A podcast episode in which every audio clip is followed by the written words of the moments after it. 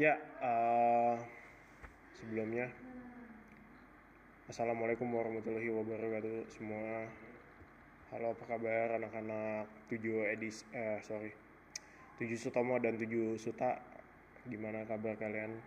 Semoga kalian baik-baik aja ya Di tengah pandemi ini Lalu uh, Saya mengucapkan selamat menunaikan ibadah puasa bagi yang menjalankan ya langsung ke materi aja selanjutnya.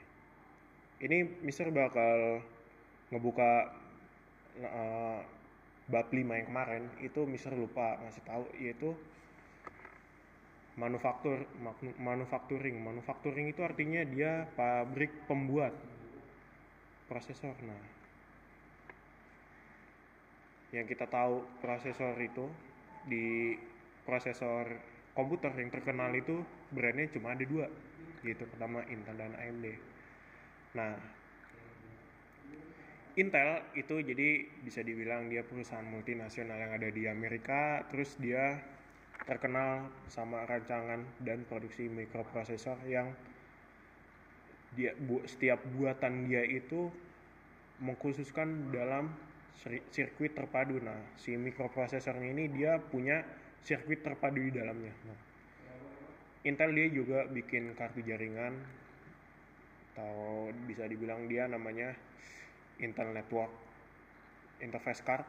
Kalian kalau misalnya kelas 9 itu bakal ada materi namanya hmm, membangun jaringan dasar. Itu kalian bakal mempelajari di situ apa aja nama yang bisa dibilang uh, network interface card itu dia si networking ini dia juga butuh yang namanya uh, kartu uh, kartu untuk mengakses internet yang ada misalnya dia sumbernya dari kabelan. Nah itu gimana caranya dia mempro uh, uh, nah ya dia dari si network yang misalnya yang dari si kabelan ini dia bakal mengkonversi jaringan internet itu supaya uh, internet kalian itu terhubung. Jadi kal kalian itu terhubung dengan internet komputer kalian itu. Nah lanjut lagi itu intermezzo aja. Karena Intel ini dia nggak bikin cuma prosesor aja tapi dia juga bikin yang tadi misal bilang kartu jaringan. Nah selain kartu jaringan dia juga bikin chipset. Chipset itu dia itu bisa dibilang dia kon, uh, controller. Dia dia itu pengendali dari si sebuah motherboard di dalam komputer. Nah, tanpa tanpa adanya chipset itu motherboard di PC kalian itu bakal susah uh, bakal susah di setting. Kayak misalnya tanggalnya terus dan yang lain-lainnya. Terus si kecepatan RAM-nya seberapa terus kecepatan prosesor prosesornya pun juga bisa disetting dengan adanya bantuan si chipset ini. Nah, Intel juga memiliki proyek riset yang maju, misalnya seluruh aspek produksi semikonduktor kayak misalnya yang ada di dia mis, uh, Intel ini dia juga pernah dulu bikin prosesor untuk HP. Kalau misalnya kalian pernah dengar dulu ada handphone Asus Zenfone 4 dan 5 itu dia prosesornya pakai Intel Atom dan itu pertama kalinya Intel bikin prosesor semikonduktor khusus untuk HP nggak cuma komputer dan laptop aja. Nah prosesor Intel ini yang paling banyak digunakan sampai saat sekarang ini yang kita temuin itu itu yang masih sering kita temuin itu ada Core 2 Duo, ada Core Quad, terus Intel Core seri i yang seri kayak misalnya Core i3, i5, i7 i9 pun juga ada. I9 itu dia biasanya fungsinya itu kegunaannya yang pertama dia untuk membuat embed komputer ya atau dia tujuan komputernya itu dia gunanya untuk misalnya uh, setting untuk misalnya kegunaan untuk roket pesawat ulang alik NASA itu dia embed komputer dibutuh itu. Terus lalu kalau bagi orang-orang yang ekonominya di atas itu biasanya prosesor Intel Core i9 itu dia untuk gaming juga bisa.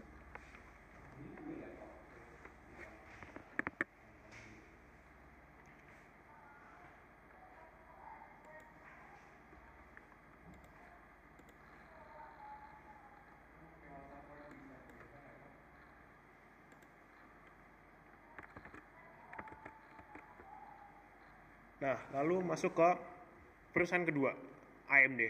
AMD itu dia singkatan dari Advanced Micro Device. Nah, itu dia perusahaan dari Amerika. Nah, cuma kebanyakan yang punya itu dia orang Taiwan. Nah, sekedar ini uh, intermezzo aja. AMD itu dia yang punya namanya uh, direktur utamanya itu namanya Dr. Lisa Sun. Nah, itu dia itu keturunan uh, Taiwan Amerika. Makanya dia yang benar-benar menyelamatkan AMD dari kebangkrutan itu sekarang dia. Dia jadi uh, inovasinya tuh bisa dibilang tuh di luar di luar pikiran kita sih. Maksudnya kita yang nggak kepikiran aja tuh dia bisa kepikiran gitu. Makanya untuk saat ini penjualan prosesor AMD itu udah di atas Intel. Nah kantor AMD ini itu dia basisnya ada di Sunnyvale, California yang mengembangkan prosesor komputer terus teknologi yang ter, uh, untuk pasar konsumen dan komersial. Nah, produk utamanya itu AMD dia udah jelas mikroprosesor atau prosesor sama kayak Intel terus dia juga punya chipset di motherboard. Lalu dia punya uh, GPU atau VGA prosesor grafis nah itu gunanya untuk dia uh, untuk render atau gunanya itu dia untuk membentuk suatu objek sih kalau kartu grafis itu fungsinya. Nah dia ini AMD bedanya sama Intel. Kalau Intel itu dia fungsi, uh, dia juga bisa dia juga bikin kartu jaringan. Dia bikin kartu jaringan kalau AMD enggak tapi dia AMD bikin VGA atau bisa dibilang GPU graphic processing unit. Nah, lalu dia si AMD ini juga bikin prosesor untuk server. Nah, server itu gini kayak misal misalnya uh, misalnya pernah jelasin sebelumnya di awal-awal kita pertemuan dia itu fungsinya untuk menyimpan data seluruh misalnya contohnya satu kelurahan misalnya kelurahan Durenjaya misalnya kelurahan Durenjaya itu dia punya server nah server itu gunanya itu dia untuk menyimpan segala data-data penting kayak misalnya uh, data kependudukan masyarakat Kelurahan Durenjaya lalu arsip-arsip uh, pekerjaan yang arsip-arsip pekerjaan kayak misalnya uh, data-data uh, yang terkait dengan Lurah Durenjaya itu dia masuknya ke server. Server itu dia bentuknya dia komputer pan, uh, gede. Dia uh, bisa uh, casing bukan casing sih. Dia itu bentuknya kayak rak gitu.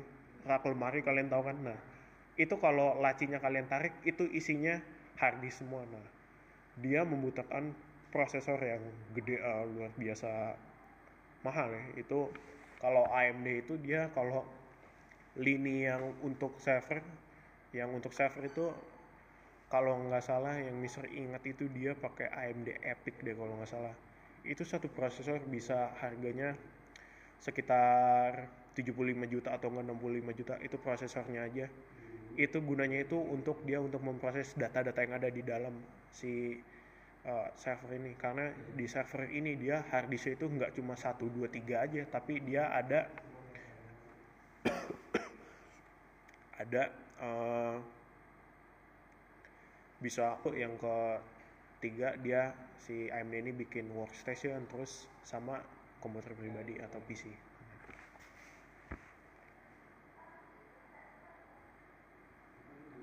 kalau untuk kalau kalian mau nanya misalnya kalau untuk perangkat genggam kayak uh, smartphone gimana sir? AMD saat ini yang bisa tahu itu sedang mengembangkan untuk uh, ini untuk uh,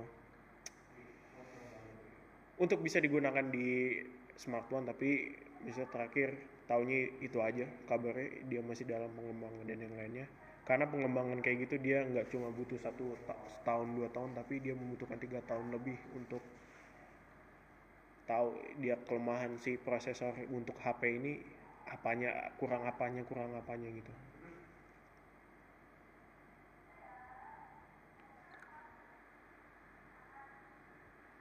Nah, uh, eh, AMD ini dia uh, produk AMD ini yang kalian tahu ini yang paling yang sering kita temuin itu banyak ada yang dari seri Athlon, Phenom, A series, FX series dan yang paling kekinian itu prosesor AMD itu Zen series atau Ryzen. Nah, uh, masuk ke halaman kalian bisa baca di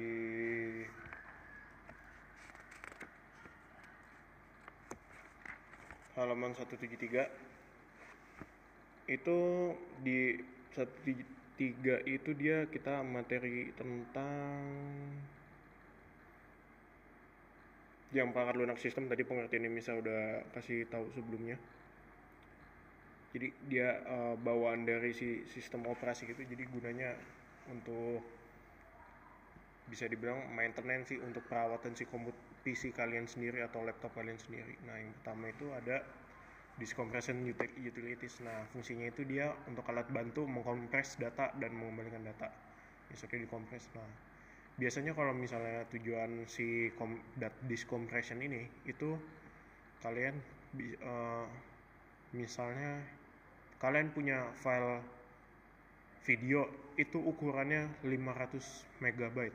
Nah itu dengan WinZip terus 7zip WinRAR dan yang lainnya dan aplikasi macam lainnya. Itu kalian bisa kompresi data kalian itu bisa sampai 300 mega atau enggak 200 mega sesuai kebutuhan kalian. Nah makanya pas begitu kalian bisa pas kalian kompres itu bisa kalian kirim ke mana-mana misalnya email. Nah kalau email itu kan biasanya kan kalau Google Mail itu kan maksimal attachmentnya itu kan 25 megabyte. Itu misalnya kalian punya file ukurannya 35 byte.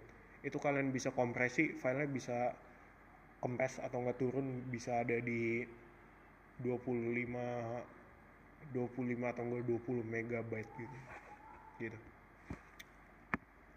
Nah lalu yang kedua ada pengecekan dan pembersihan disk. Nah di sini pengertiannya perangkat lunak yang digunakan untuk memeriksa hard disk dari berbagai kerusakan serta memeriksa dan memeriksa berbagai file yang tidak dibutuhkan.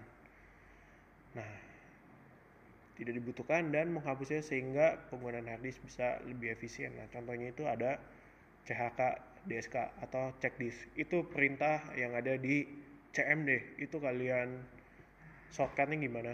Itu kalian pencet tombol Windows plus R lalu di situ ada tulisan mau run apa itu kalian ketik CMD di situ. CMD itu bisa dibilang dia kom, uh, eh, CMD itu dia singkatan dari command atau perintah. Itu kalian bisa uh, memerintah komputer kalian itu melalui command dari itu sendiri bisa kalian perintah dari situ.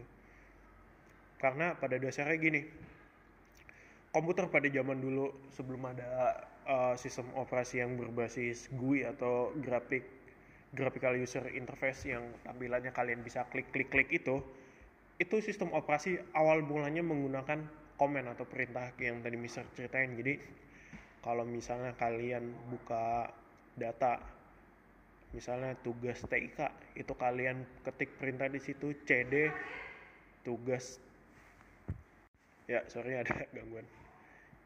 Itu berarti kalian ketik CD spasi tugas TIK. Nah, mak makanya di situ nanti ada keluar semua tuh directory. Directory itu berarti dia list uh, data TIK apa aja sih yang kalian udah bikin di situ. Nah, itu keluar dari di situ semua.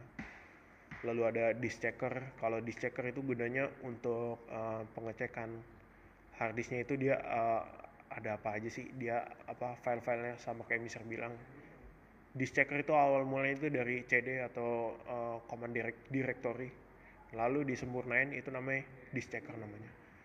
Lalu ada ADRC hard disk checker nah itu dia untuk fungsinya untuk uh, memeriksa seluruh uh, file apa aja sih yang ada di hard disk itu. Nah, oke.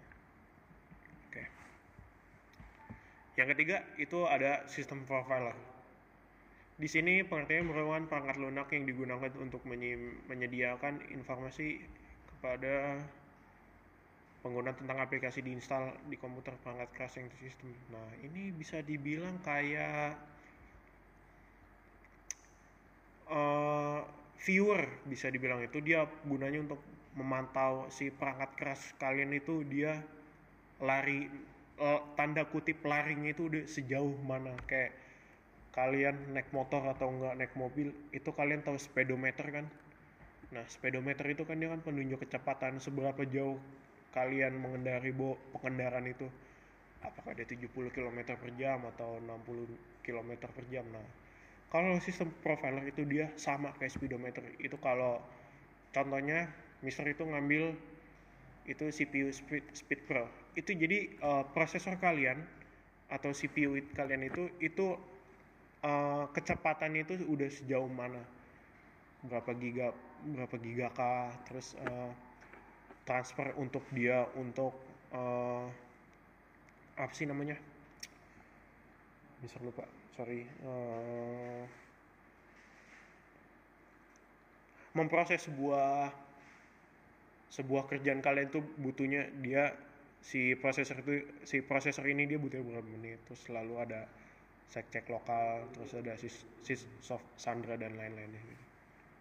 ingat ya sistem profiler itu dia bisa dibilang kalau di sini pengertiannya itu merupakan perangkat lunak digunakan untuk menyediakan informasi kepada pengguna tentang aplikasi yang diinstal di komputer dan perangkat kerasnya apa aja itu sama aja kayak viewer itu kayak kalian bisa memantau kayak kecepatan prosesor kalian gitu itu sama aja kayak speedometer yang speedometer untuk di laptop atau PC kalian.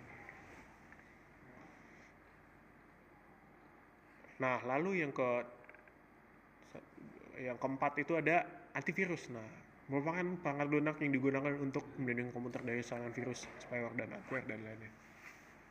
Nah, banyak uh, antivirus yang gratisan kayak misalnya Asset Note 32, AVG antivirus, terus ada Symantec Norton virus dan McAfee dan lainnya. Itu gunanya untuk uh, menghapus virus yang ada di PC atau laptop kalian. Karena kalau virus ini itu bak mister udah nyiapin materi di berikutnya. Jadi di macam-macam virus itu dia virus itu ada apa aja sih? Ada yang dia nyerang apanya, nyerang apanya itu mister ada semua di situ. Bisa bakal jelasin lagi itu dia mostly kebanyakan virus itu dia nyerang PC kalian atau laptop kalian bakal jadi lambat kalian nge ngeklik apa pun itu dia bakal kerasa lambat banget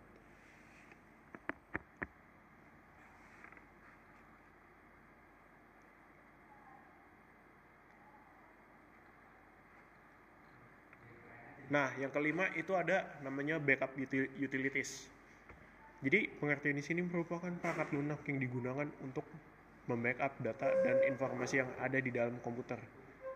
Backup data perlu, nah gunanya backup utilities ini dia untuk uh, backup atau uh, bikin uh, mengcopy seluruh file kalian. Jadi kalian backup data itu kalian kalian misalnya ada sesuatu hal yang terjadi menimpa file kalian, file asli kalian misalnya itu dia ke format atau bagaimanapun itu Nah, dengan adanya backup ini kalian bakal bisa uh, ngembalin file yang udah ke format itu tadi.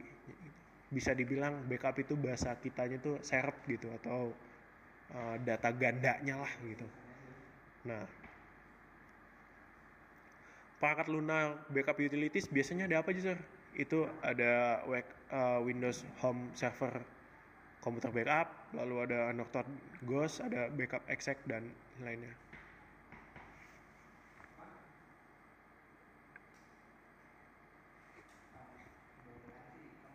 Sekali lagi, Mister ngingetin bagi kalian yang masih bingung, WA aja nggak apa-apa, nggak usah malu-malu. Mister bakal jawab pertanyaan kalian. Lalu di se backup utility sudah yang ke Yang keenam itu ada partisi disk. Nah, jadi pengertiannya merupakan perangkat lunak yang digunakan untuk membagi harddisk komputer menjadi beberapa partisi atau beberapa partisi di dalam drive ini. Misalnya gini, partisi drive. Kalian punya harddisk, jangan uh, harddisk saya, harddisk saya. Harddisk itu kalian kapasitasnya itu 500 GB. Nah, si 500 GB ini kalian partisi. Partisi itu gimana sih, Sir? Partisi itu kalian bagi. Ingat kalian bagi. misalnya kalian uh, 500 giga ini kalian bagi 250 giga 250 giga ini kalian simpan untuk misalnya untuk tugas seluruh tugas kalian itu masuknya ke sana. 250 giga lagi kalian yang dari file aslinya kalian udah bagi itu misalnya untuk film-film kalian misalnya kayak film Korea kalian dan uh, K-pop kalian itu nyimpannya misalnya di situ. Jadi partisi itu bisa dibilang itu dia kayak membagi membagi uh, volume harddisk kalian gitu. Misalnya lima, yang tadinya 500 giga kalian bagi jadi 250 giga itu 250 giga misalnya.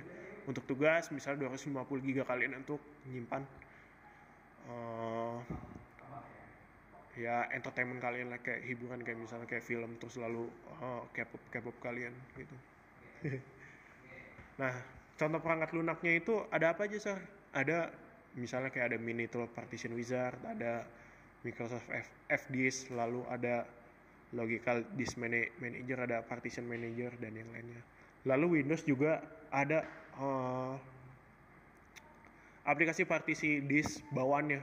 Kalian caranya itu ke logo Windows yang ada di laptop atau PC kalian kalian klik kanan kalian pilih di situ namanya disk management.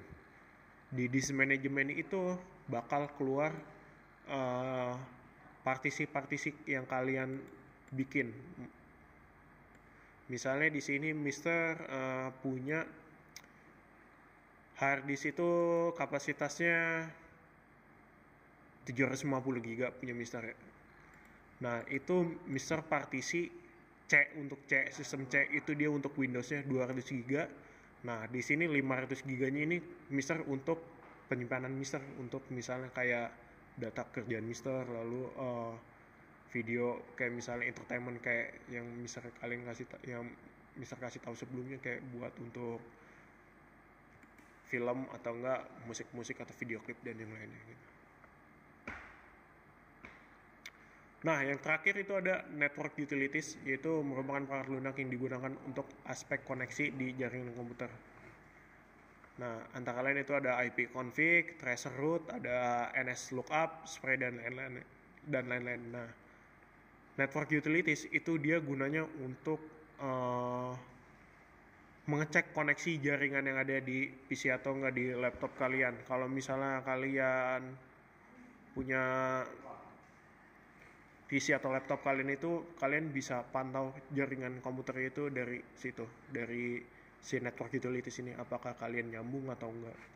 Kecepatannya berapa berapa megabyte per second gitu itu ada di situ semua. Udah masuk ke bab 6 harusnya sih kita udah mulai praktek-praktek ya tapi karena pandemi ini ya udahlah kalian bisa praktek di rumah.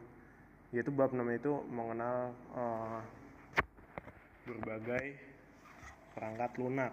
Nah, yang pertama itu ada perangkat lunak pemrograman. Nah, perangkat lunak pemrograman itu bisa dibilang itu uh, semua aplikasi yang kalian pakai kayak misalnya uh, bukan aplikasi sih sosial media kayak Instagram terus Facebook dan yang lainnya itu dia bikinnya gimana sih sir? Dia menggunakan uh, perangkat lunak pemrograman ini. Jadi caranya gimana? Si uh, software developer itu dia menuliskan kode-kode programnya itu dari kode-kode program itu yang ditulis. Nah itu dia dapat menghasilkan sebuah perangkat lunak yang kalian uh, sorry bukan perangkat lunak kayak sosial media yang kalian pakai kayak misalnya Facebook, Twitter dan yang lainnya. Nah, sesuai uh, materi yang kemarin Mister kasih, perangkat lunak yang digunakan itu bisa dibilang sebagai alat bantu yang menuliskan dan menerjemahkan kode-kode ya, dari menjadi bahasa yang dapat dijalankan di komputer itu. Nah, perangkat lunak ini biasanya basisnya itu uh, bukan basis sih dasarnya itu dia dari bahasa C C terus C++ terus ada Java, Python, PHP dan JavaScript dan yang lainnya. Nah, ini Mister bakal kasih itu dia di bawahnya itu dia ada uh, perangkat lunak pemrograman yang biasa dipakai itu ada apa aja? Nah yang pertama dia ada Visual Studio ada Sublime ada Adobe Dreamweaver ada Xcode. Xcode itu dia ada khusus di produk Apple dan iOS. Nah lalu ada Android Studio. Nah Android Studio ini biasanya itu aplikasi-aplikasi kayak WhatsApp terus uh, Zoom dan yang lainnya itu dia kalau misalnya yang khusus di HP Android itu biasanya dibuat di Android Studio. Yang bingung WA aja nggak apa-apa. Beberapa nomor uh, nomor Mister ada yang tahu sih ada yang di ada yang kemarin WA Mister itu siapa aja ya kayak si Seven anak Sutomo tuh dia udah punya WA Mister. Kalau misalnya kalian butuh WA Mister WA dia aja dia bakal ngasih. Nah uh, yang kedua itu ada perangkat lunak sistem. Nah, perangkat lunak sistem itu apa aja sih sebenarnya? Jadi kalau berdasarkan di halaman 102 jadi pengertiannya itu perangkat lunak yang membantu sistem dan perangkat keras komputer bekerja sebagaimana mestinya. Nah, perangkat lunak sistem ini dia uh, bisa dibilang dia itu driver. Iya driver. Jadi driver itu fungsinya dia gunanya untuk eh, penghubung antara si perangkat keras agar bisa ada uh, fungsinya itu bisa kita kendalikan melalui perangkat lunak. Itu namanya driver. Nah itu kalau misal di materi di materi misal itu perangkat lunak sistem dia bilang membantu sistem dan perangkat keras komputer sebagaimana mestinya nah kayak misalnya gini. Kalian punya komputer terus selalu punya speaker ya speaker. Speakernya itu dia jacknya bukan yang ukuran tiga setengah mili. Itu melainkan pakai yang USB kalian tahu jack yang tiga setengah mili kan? Yang untuk di handphone itu? Nah itu mostly kebanyakan speaker-speaker zaman dulu dicolok pakai itu dia udah nyala. Nah kalau yang sekarang itu dia cukup pakai USB, nah langsung tersambung. Nah di si speaker ini di speaker dia yang kalian colok ini ke komputer kalian itu nggak serta merta kalian colok langsung nyala nggak gitu aja nggak begitu itu dia membutuhkan namanya driver nah driver itu nama ya itu dia nama lain dari perangkat lunak sistem. Nah, kalian bisa ngendalin si speaker ini yang notabene dia itu perangkat keras. Nah, perangkat kerasnya itu kalian nggak perlu atur di kalian putar-putar tombol uh, volumenya atau gimana itu kalian bakal bisa atur di dengan si driver ini atau perangkat lunak sistem ini. Sekian materi dari Mister. Assalamualaikum warahmatullahi wabarakatuh. Selamat siang semua.